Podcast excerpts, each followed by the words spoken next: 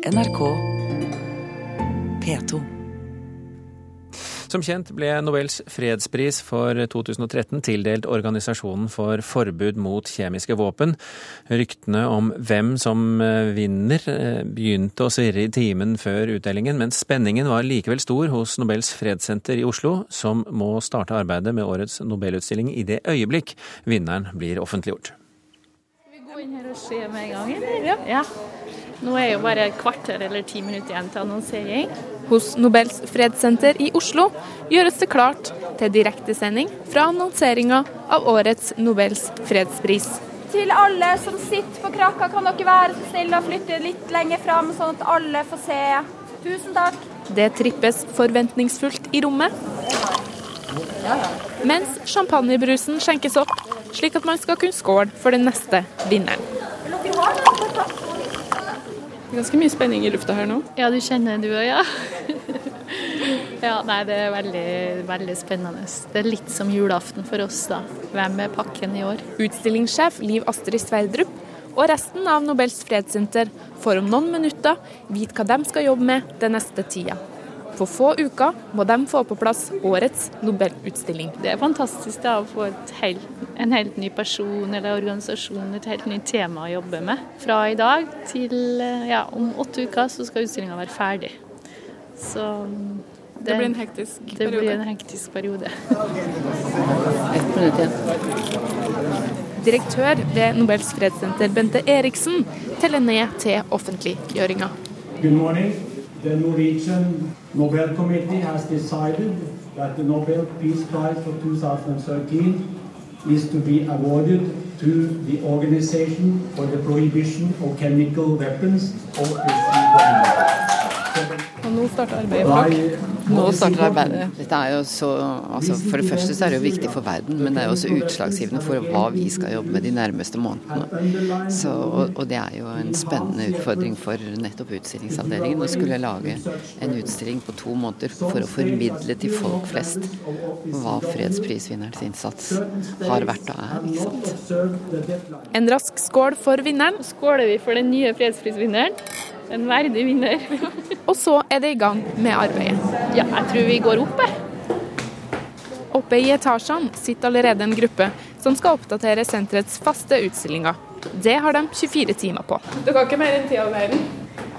Faste utstillingene har jo som mål skal være oppdatert med ny vinner til morgen tidlig. Ja, nå er kunngjøringa lagt ut. Noe som betyr at prosjektleder Jessica Angstreich og resten av arbeidsgruppa må forberede seg på en sen kveld på jobb. Hvor lenge blir hun sittende i, i kveld og jobb? Det er farlig å si noe så høyt til gjengen, fordi da kan man kanskje få falske forhåpninger.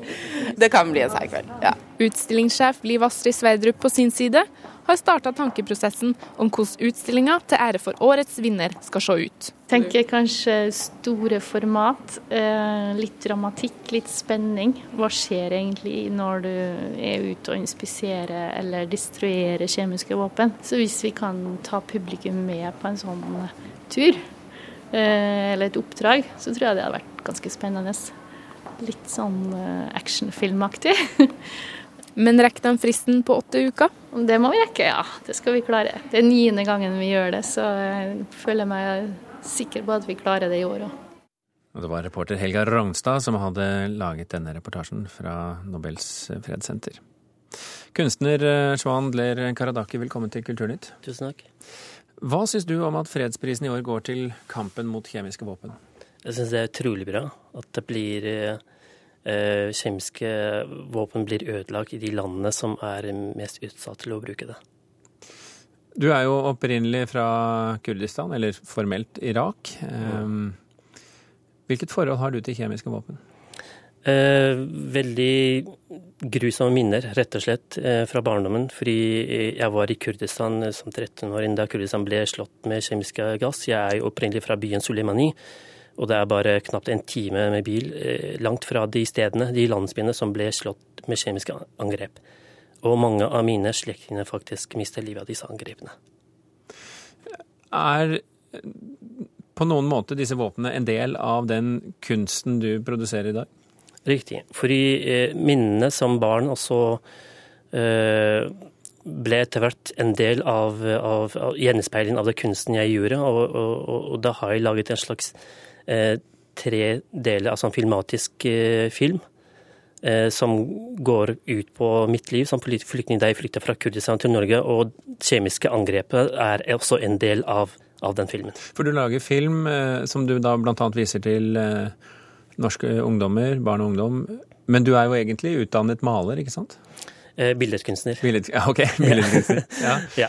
Eh, og jeg har jo sett en del på hjemmesiden din også, at mm. det, er, det, er, jo mange av disse motivene som, mm. som, går igjen og glir litt over i hverandre også, til en viss grad. Ja, jeg er jo ikke filmskaper, men eh, det jeg gjør er ikke film heller, det er jo en digital bilde. For det er så en grense som går til film, altså kortfilm. Men, men da bruker jeg liksom eh, fotokollasj, maleri, tegning, fotografi, til og med vanlig film med kamera.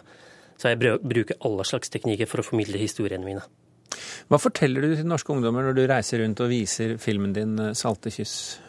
Eh, det er jo hovedsakelig om mitt liv, hvordan jeg flyktet og hva er konsekvensene av å flykte og oppleve krig. Men i del to av 'Salte kyss'-filmen så går jeg inn, i, inn, på den eh, delen som handler om kjemiske angrep mot kurderne. Jeg er ikke noe ekspert på bomber, men jeg har lært veldig mye av deler av slektene mine som overlevde disse angrepene. Og det er eh, veldig utrolig. Denne våpenet er veldig annerledes i forhold til andre typer bomber. Vanlige folk har ikke kjennskap til det, og det er grunnen til at mange mister livet med en gang kjemiske brukt, eh, våpen blir brukt. Eh, fordi det finnes jo masse forskjellige typer. Eh, den delen som ble brukt i Kurdistan, serin. eh, en annen, altså, noen av dem lukter kjempegodt som parfyme, sånn at det blir fristende for oss mennesker å trekke gassene inn. Og når man trekker den inn, så dør man faktisk i løpet av veldig kort tid. Eh, noen av de som eh, ble truffet av eh, de landsbyene, klarte å komme seg til iranske grensen og fikk hjelp der. Men når man først blir truffet av kjemiske gass, kommer man aldri til å bli frisk som før. Jeg har venner og slektninger 25 år etter Daniel Hensen, sliter faktisk fortsatt med alvorlige helseproblemer. Hva, hvordan reagerer norsk ungdom på de historiene du forteller? Eh, de blir sjokket, rett og slett. De blir kjempestille, de blir engasjert. fordi de har jo sett på nyhetene i det siste at det har blitt brukt i Syria også. Og de ser hvordan barn lider eh, når det kjemiske angrep blir brukt.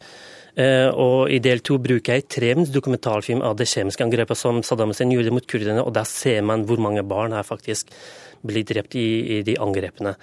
Eh, jeg føler faktisk at det er viktig at, at i hele verden at man, man, kan komme ut med informasjon om kjemiske gass, hvordan man kan beskytte seg. Fordi vi lever i et verden nå at det, man kan når som helst bli utsatt for det. Så de, ditt budskap og budskapet til nobelprisvinnerne, eller eh, ja, nobelprisvinnerne OPCW er ganske likt? Tusen hjertelig takk for at du kom til Kulturnytt, eh, Del Karadaki, eh, og lykke til videre med arbeidet. Takk. Hør flere podkaster på nrk.no podkast.